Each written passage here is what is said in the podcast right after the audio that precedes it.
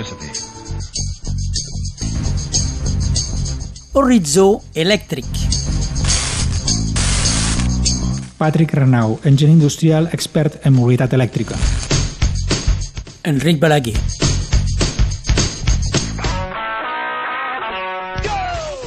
Seguim avui la nostra crònica sobre la transició energètica i ecològica amb el Patrick Renau, que és eh, president de l'Associació Catalana de Promoció del Vehicle Elèctric Voltur. Patrick, eh, bon dia. Bon dia. Hem parlat en les cròniques precedents de la necessitat d'evolucionar, de, d'anar cap a una, una transició energètica, eh, més aviat, més aviat de passar de les energies fòssils cap a l'energia elèctrica. Com ho podem fer, concretament? Com ho podem fer? Bé, um, com hem explicat, um, bàsicament uh, a les altres sessions uh, hem parlat d'autoproduir-se energèticament les llars, parcialment amb l'electricitat autoproduïda per, per, casa, per casa teva amb, amb plaques fotovoltaiques. Hi ha un altre element molt important a tenir en compte que és el cotxe, la botura, el nostre vehicle privat o la motocicleta o la furgoneta. Aquests vehicles encara funcionen amb el sistema antic, que se'n diu vehicle de combustió interna, el vehicle de motor tèrmic. Aquest sistema és un sistema que tenim molta confiança i tenim molts garatges i molts tallers que ens poden fer les reparacions i tot està molt ben solucionat, però té un problema greu i és que no és eficient. Gairebé el 20% només és aprofitat.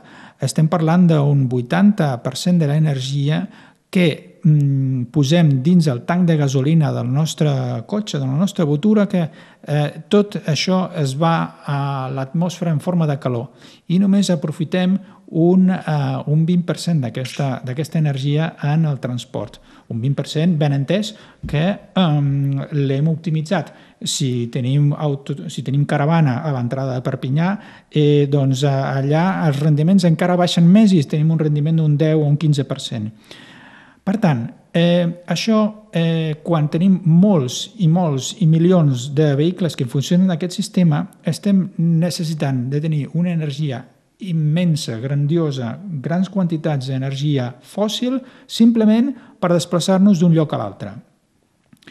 Què passa? Ara se'n parla molt dels eh, cotxes elèctrics, les botures elèctriques que han de venir al nostre país. Um, això és bo Mireu, la part interessant de la batura elèctrica és que és un vehicle que mm, té una eficiència molt alta. Estem parlant d'un 60 o 70% d'aprofitament de la seva energia.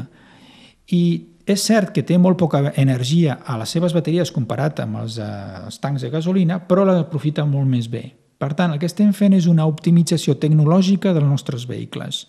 Simplement el fet de deixar el motor tèrmic i utilitzar, emprar o conduir un cotxe eh, elèctric, estem fent una revolució energètica molt important al nostre país.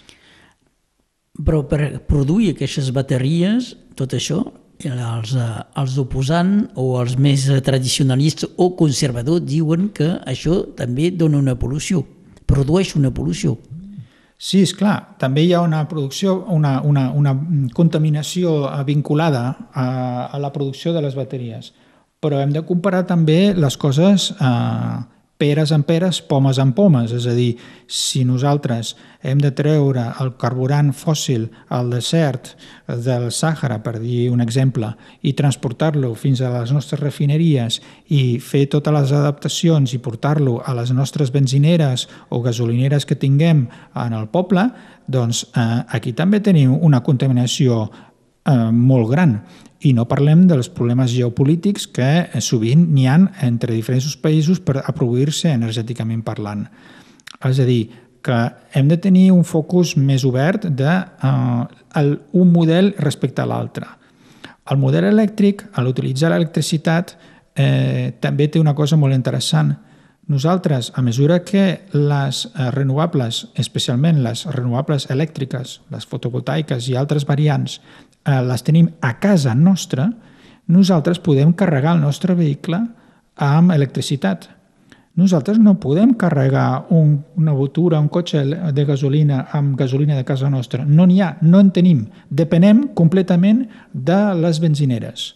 Depenent completament d'aquesta xarxa de subministrament de combustible fòssil.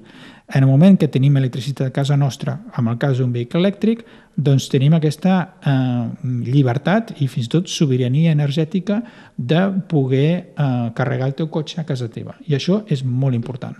Patrick Renau, moltes gràcies. A vosaltres. Horitzó Elèctric.